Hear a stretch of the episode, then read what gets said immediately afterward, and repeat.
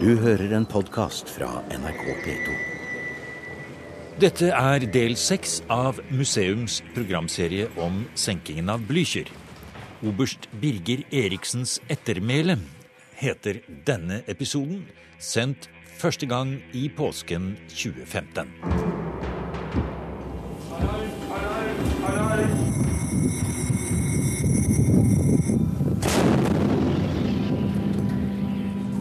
Krysseren Blücher og Oscarsborg festning har vært tema gjennom hele påsken i museums serie Blücher fra arkivet. Vi har fulgt både de tyske mannskapene på deres vei opp gjennom Kattegat og inn i Oslofjorden. Og vi har hørt en rekke tidsvitner, også på norsk side, fortelle om hvordan de opplevde den dramatiske natten til 9. april 1940. Alle klippene har vært hentet fra NRKs historiske arkiv, fra Erik Bye, Yngvar Ustvedt og Per Bøhn, og til museums egne programmer om dette emnet gjennom årene. Alle disse programmene er nå tilgjengelig som podkast og nettradio via iTunes og på NRKs programspiller, og ikke minst på nrk.no podkast, hvor det i tillegg ligger flere hundre andre museumsprogrammer. I dette sjette og siste programmet i museums arkivserie om senkingen av Blücher skal det handle om hovedpersonen på norsk side, kommandant Birger Eriksen på Oscarsborg.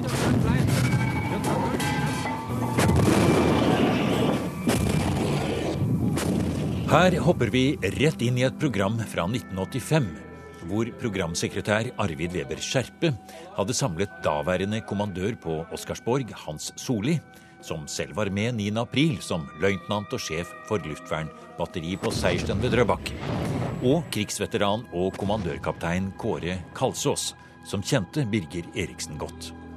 Og hvis noen tror, sier Hans Soli, at den skadeskutte Blücher og de øvrige tyske fartøyene ikke besvarte ilden fra festningen, så er det helt feil. De skjøt jo, de skjøt kanskje noe vilt, så det ut som. Men jeg husker fra øh, vi sto i Koppas batteri, så skjøt de over oss. Det var sporlys. De skjøt på siden. Øh, så, og de skjøt mot Håøya.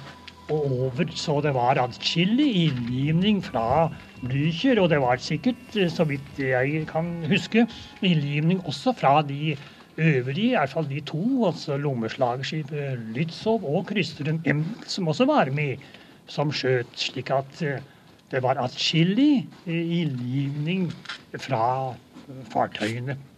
Du, Hva tror du var inni i hodet på kommandanten oberst Eriksen når han så denne eskadren komme ut av Skoddeheimen her 9.4? Kaldt og surt, og frostrøyken lå over Oslofjorden. Ja, oberst Eriksen han var, og dette kjenner jo kommer du til solig bedre til enn jeg, men, men jeg oppfattet ham som en, en realistisk artilleriingeniør, tekniker. Hans hode var fullt av vinkler og logaritmetabeller og den slags. Og han eh, trivdes meget godt på festningens verksted, hvor han eh, så hvordan arbeidet gikk med nye instrumenter som han til dels konstruerte. Og jeg var her i 37 som skoleelev, og, og jeg kan huske han gikk med sin uh, venstre hånd i frakelommen. Og så plystret han når han var på vei til verkstedet. Men han plystret aldri når han skulle tilbake til kontor for å ta hånd om den offisielle korrespondanse, eller hva det heter. Så uh, nå hadde han vært uh, batterisjef her i 1905, som var en, en stor tid for det norske forsvar. Og han var glad i kanonen her, kjente dem ut og inn. Bedre enn noen. I alle detaljer, tror jeg. Og denne situasjonen Og her kommer et psykologisk moment. Den hadde han ventet på i siden 1905, altså i 35 år. Han skal pensjoneres nå. Og hva er det som skjer? Jo, det er Hva er det de sier på disse dyrefektningene? Det, det, er sannhetens øyeblikk som, som kommer, ikke sant? Og han overtar. Han skyver til side batterisjef, som for øvrig var en dyktig batterisjef Søden. Og så tar han kommandoen selv, for han ser at visse målinger blir litt gal her. Spesielt eh, Det var vanskelig å se vannlinjen på, på båten. Og så tar han selv over for å være sikker på at vi får treff. Det var i grunnen stort sett det som jeg tror man kan karakterisere hans innstilling. Krigsveteran Kolbjørn Høie var også med i programmet fra 1985 som vi hører klipp fra her.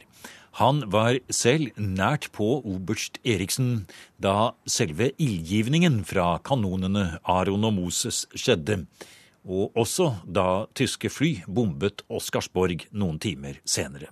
Ja, jeg var uh, instruktør for uh, kommandogruppen. Og um, jeg overtok selv orografen. Da, det er et vanskelig ord. Ja eh, avstandsmåleren. Ja. Og det var litt spesielle forhold som gjorde at jeg da selv tok orografen. I kommandoplassen så var jo foruten kommandobetjeningen selvfølgelig eh, batterisjefen, den gang kaptein Sødem. Og oberst Eriksen var jo i høyeste grad med. Han sto utenfor eh, kommandoplassen helt åpen, uten beskyttelse. Og tok over ledelsen av uh, batteriet i det kritiske øyeblikk. Etter at uh, Blücher Vi var ferdig med uh, vår jobb her i hovedbatteriet. Vi kunne jo bare skyte de to skuddene. Uh, og da måtte vi se å komme oss i de underjordiske gangene her. Og vi var der under bombingen. Det vil si, selv var jeg ute da de første bombene falt. Uh, det var også uh, oberst Eriksen, kommandanten. Og da syns vi det begynte å bli litt kritisk. Da oberst Birger Eriksen beordret ild klokken 04.21, var avstanden til Blücher 1200 meter. Begge kanonene Aron og Moses avfyrte ett skudd hver. Begge traff omtrent midtskips med hver sin 345 kilos tunge artillerigranat. Det kan være interessant å se på hvor fort det hele gikk, etter at de to første skuddene fra festningen kom. Bare fire minutter senere passerte Blücher det smale sundet under festningen. Ildgivningen opphørte, det ble helt stille, og mannskapene på festningen kunne høre at de oppstilte infanterisoldatene på Blüchers dekk sang den tyske nasjonalsangen Deutschland, Deutschland über alles. Så kom de to torpedoene, og bare drøye 15 minutter senere forsøkte Blücher å ankre opp ved Askholmene. Mindre enn 20 minutter var gått etter første skudd og det skulle gå enda én time og 50 minutter før Blücher sank. For å kunne forstå hvor vanskelig situasjonen oberst Eriksen var i, kan det kanskje være riktig å minne om at Norges offisielle politikk var nøyaktig den samme som under første verdenskrig. I november 1939 hadde Norge erklært seg nøytral i forhold til det som skulle bli annen verdenskrig. Sverige gjorde det samme. Å skyte mot inntrengere kunne bare gjøres i rent selvforsvar for å hevde nøytraliteten. Hvis eksempel oberst Eriksen hadde beordret ild mot det mindre slagskipet Lützow som fulgte etter Blücher, og som snudde og gikk ut Oslofjorden igjen, så hadde det vært å regne som rent brudd på nøytraliteten. Den norske overkommando visste at det var tyske skip som kom omtrent klokken 0300 natt til 9. april. Men oberst Eriksen kom ikke i kontakt med sine overordnede. Han måtte stole på seg selv og de nokså vage, generelle ordrene han hadde fått på forhånd. Hvordan var dette, Solli? Hadde Eriksen noen ordre å holde seg til, eller handlet han på egne vegne når han åpnet ild? Ja, han hadde nok en ordre som var gitt på forhånd, men den var veldig generell. Og eh, jeg hadde nær sagt verdien av den var rent formelt. Det som var eh, avgjørende den 9. april for eh, kommandanten Oberst Eriksen, det var hans egen beslutning om å åpne ild. Og han sa selv til meg dagen efter at det er ikke så vanskelig sa han, å treffe et fartøy, men det er forferdelig vanskelig å bestemme seg til å gjøre det. Og det er naturligvis selve kjernen i hele den episoden. Oscarsborg og den 9. april. Det var én mann som tok én helt avgjørende beslutning. Han tok den fullt og helt på eget ansvar, med litt sånn eh, halvpolitisk og vak bakgrunn i en meget generell ordre som kom ovenfra. Jeg var jo hans eh, adjutant i et par år før dette hendte, og han var ikke en mann som kastet terninger, nei. Han visste veldig godt hva han ville, og han var absolutt mann for å ta en bestemmelse. Og Det har han vist en gang for alle, og dermed bidratt til noe vesentlig i landets historie. Det sa altså Hans Soli, som var løytnant på Oscarsborg 9.4.1940.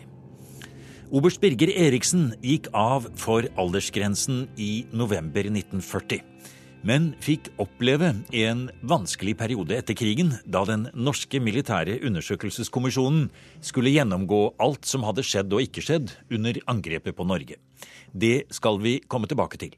Men vi må nevne at på tross av en del kritikk, som er vanskelig for oss å forstå i dag, fikk Eriksen både det norske og franske krigskorset. Eriksen døde i 1958, men på 100-årsdagen for hans fødsel, i 1975, ble oberst Eriksens minne for første gang hedret på en offisiell måte. Oscarsborgs venner hadde gjennom en privat innsamling skaffet midler til en byste som ble avduket i badeparken i Drøbak, med selveste kong Olav til stede. Kongen ble møtt av både unge og gamle da han kom. Det var skolefri og flagging over hele Drøbak.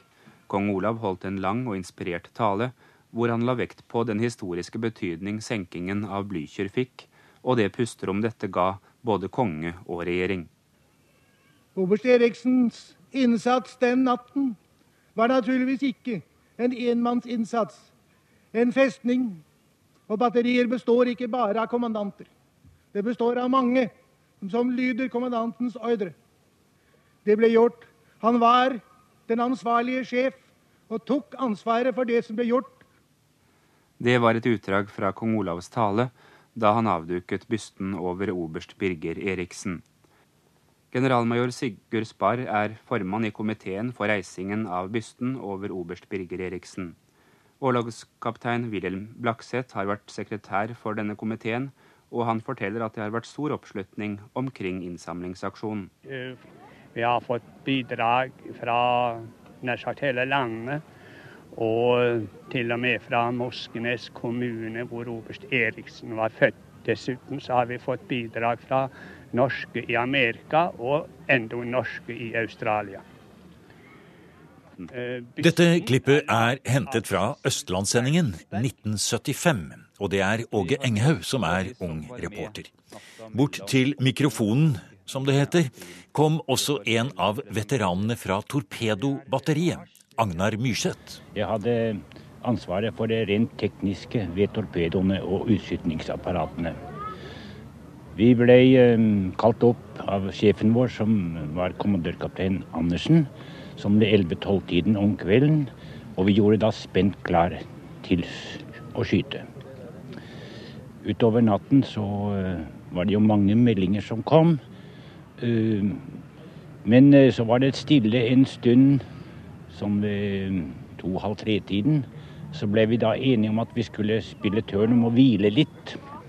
Men like etter at vi hadde etablert oss til å um, slappe av litt, så var det alarmberedskap. Og da var det å gå på plass og stå spent klar. Eh, det rent tekniske som jeg hadde med, måtte jeg da se over, og det var en febrisk virksomhet å se over at alle kontaktpunkter og alle knapper og skruer og alt mulig var i orden.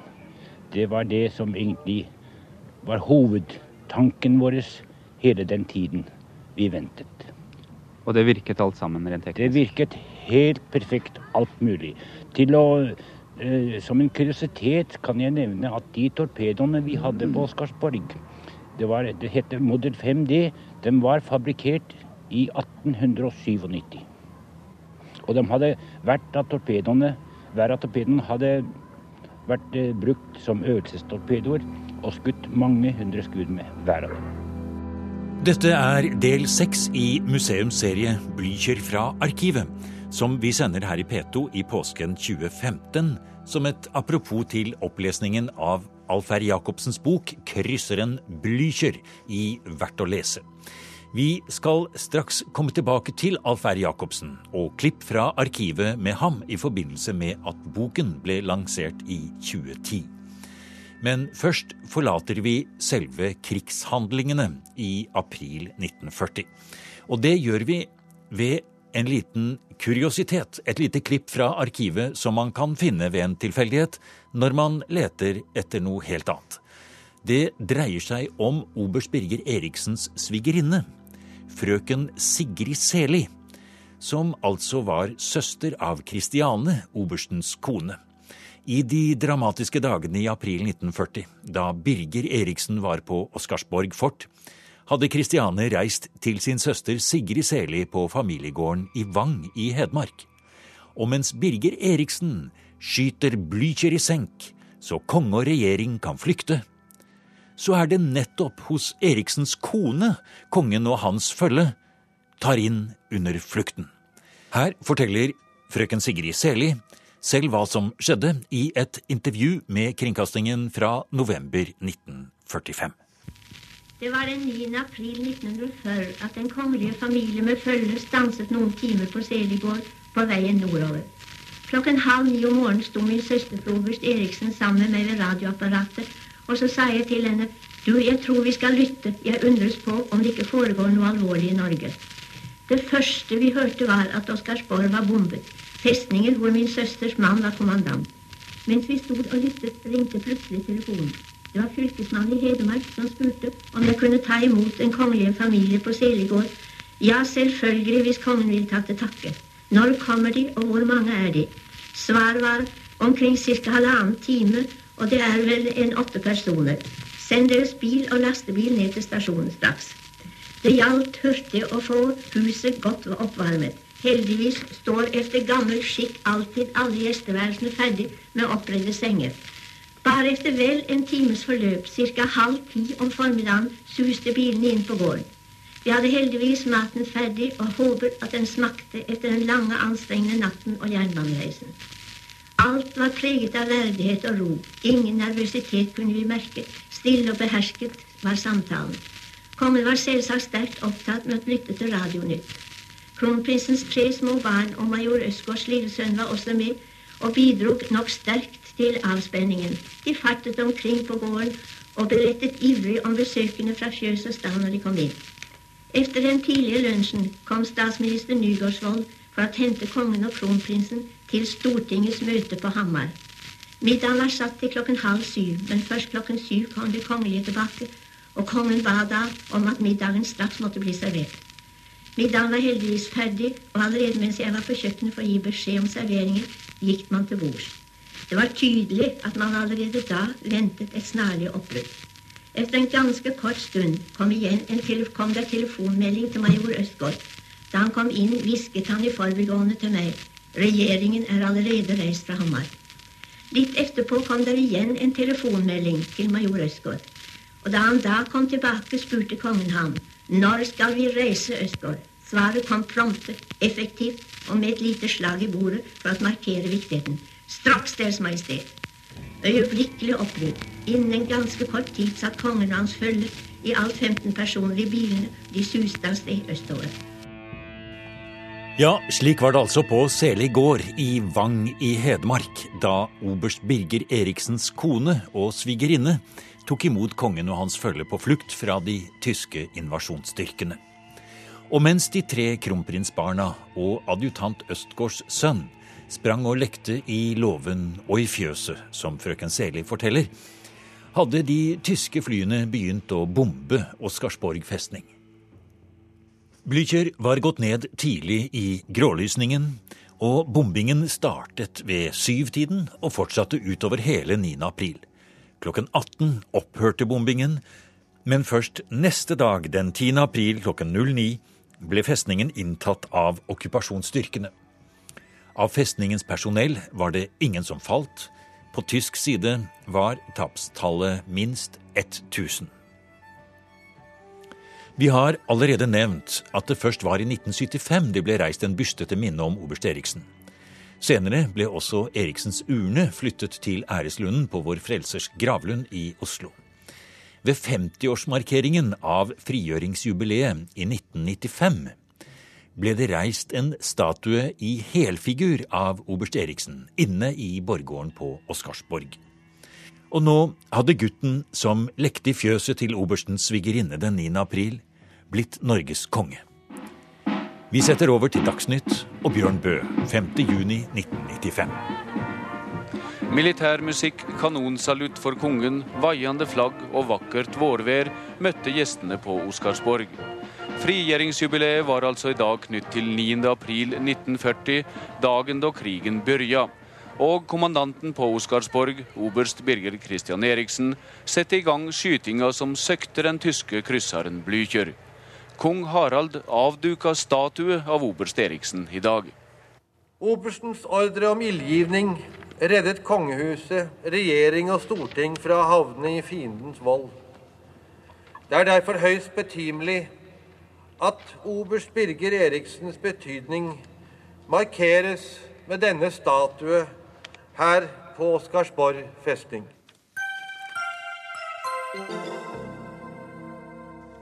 Dagsnytt 18 31.3.2010. Programleder Per Arne Bjerke har forfatter Alf R. Jacobsen som gjest for å fortelle om den nye boken 'Krysseren Blücher'. Oberst Birger Eriksen var en stor krigshelt, sier Jacobsen. Han er jo en av de, en av de aller største heltene. Og det som gjør han særskilt, er jo at hans, eh, han mobiliserte sitt heltemot på et tidspunkt da nesten ingen andre gjorde det, nemlig natt til 9. april, da tyskerne var på vei til Norge. Eh, eh, regjeringen var lammet. Den militære ledelsen, hans overordnede, var lammet. Det var ikke gitt ordre om mobilisering, det var ikke erklært krig. Og han sto alene i Oslofjorden og så denne tyske skraden komme mot ham og måtte ta en avgjørelse. Og han tok den riktige avgjørelsen og stoppa de tidsnok til at kongen og regjeringen unnslapp å kunne føre krigen videre når de hadde fått samla seg. Og Det er klart at det er jo nettopp dette som gjør han så spesiell og så interessant, er jo hvordan klarte han eh, den lille mann som kom fra en avmilitarisert eh, kultur, en nedrusta, et nedrusta samfunn, hvordan klarte han, hvordan våga han å mobilisere det motet? Han hadde knapt utdannede folk sammen med seg. Mange av dem hadde aldri skutt en kanon før og sett seg opp mot verdens sterkeste krigsmakt. Du har jo drevet en eh, omfattende research i forbindelse med denne boka og beskriver utførlig den dåden Birger Eriksen sto bak. Men var han noen gang i tvil om han skulle skyte? Det er klart han var i tvil, fordi vi hadde jo, en, vi hadde jo også et, et, veldig passivt militært system. Så han hadde forbud mot å skyte uten å få tillatelse fra kommanderende admiral. Men du vet, når en eh, tyske kryssere, slagkryssere med, med skarpladde våpen og, og tusenvis av soldater om bord kommer ut av tåka, og det er minutter igjen, så er det ikke tid til å ringe og spørre om lov. Så han måtte ta den avgjørelsen på egen hånd. Og Det er jo det som er det fascinerende, som, som har en appell til alle tider. Man står overfor overmakten, og man har få ressurser, og likevel velger å kjempe. Nå tok han altså denne avgjørelsen, men han fikk vel ikke akkurat noen anerkjennelse i ettertid, eh, da kommisjonen av 1946 skulle gå igjennom eh, det som hadde skjedd under krigen, for å si det veldig forsiktig. Han ble vel nærmest litt mistenkeliggjort? Det gjør jo at dette minner jo veldig om det som skjedde i Narvik. ikke sant? Det er at Eriksen var en av dem som, som sto oppreist, og som tok den riktige beslutningen. Det var veldig veldig mange andre i Oslo og i Oslofjorden som jo var forholdsvis sterkt befesta del av landet, eh, relativt sett. Og det er klart at når de kom hjem til Norge i 1945, så var det ikke så mange som hadde som hadde sjenerøsitet nok til å gi denne obersten den plass han fortjente. Så han blei, eh, etter mitt syn, behandla på en særdeles dårlig måte eh, av både sine militære foresatte og av de politiske myndighetene. Og det er jo først i de senere år at han har fått en plass som han virkelig fortjener. Vi avslutter denne serien om Blücher fra arkivet med et klipp fra Kulturnytt i P2 i februar 2010. Programmet stiller spørsmålet om hvorfor oberst Birger Eriksen fikk en så dårlig behandling i årene rett etter krigen. Reporter Christian Baalsrud. Undersøkelseskommisjonen som skulle vurdere om regjeringen Nygaardsvold skulle stilles for krigsrett, var forutinntatt, hevder historikere. Oberst Birger Eriksen var en av dem som ønsket en etterforskning. Det kostet ham ettermælet han fortjente, forteller historiker Lars Borgersrud, som har studert undersøkelseskommisjonen grundig. Eriksen ble behandlet uh, gjennom en uh, svertekampanje, ble behandlet i avisartikler og på ulikt vis på en måte som uh, stilte han i et litt sånn tvilsomt lys. Det var jo helt klart, helt åpenbart, at det foregikk en buskeagitasjon mot Eriksen. Og etter mitt syn, som historiker, så mener jeg at dette bunner seg i at Eriksen kritiserte denne innstillingen at man ikke skulle belyse hendingene rundt 9.4 med riksrett. Han døde jo i 1958, og, og sjøl i 1970-åra, da man reiste bysten av han i Drøbak og flytta hans urne til æreskirkegården, eh, så var det jo private som sto bak. Staten ville ikke være med på det. Så det er først nå at han trår liksom fram i, i, som den helten han er. Den kalde snoen sto Eriksen ensom på festningsvollen. Han kikket på klokken og noterte tidspunktet. 04.21. Deretter ga han ordre om ild. Du har nå hørt en podkast av programmet Museum fra NRK P2. Og send gjerne en e-post til museum krøllalfa nrk.no.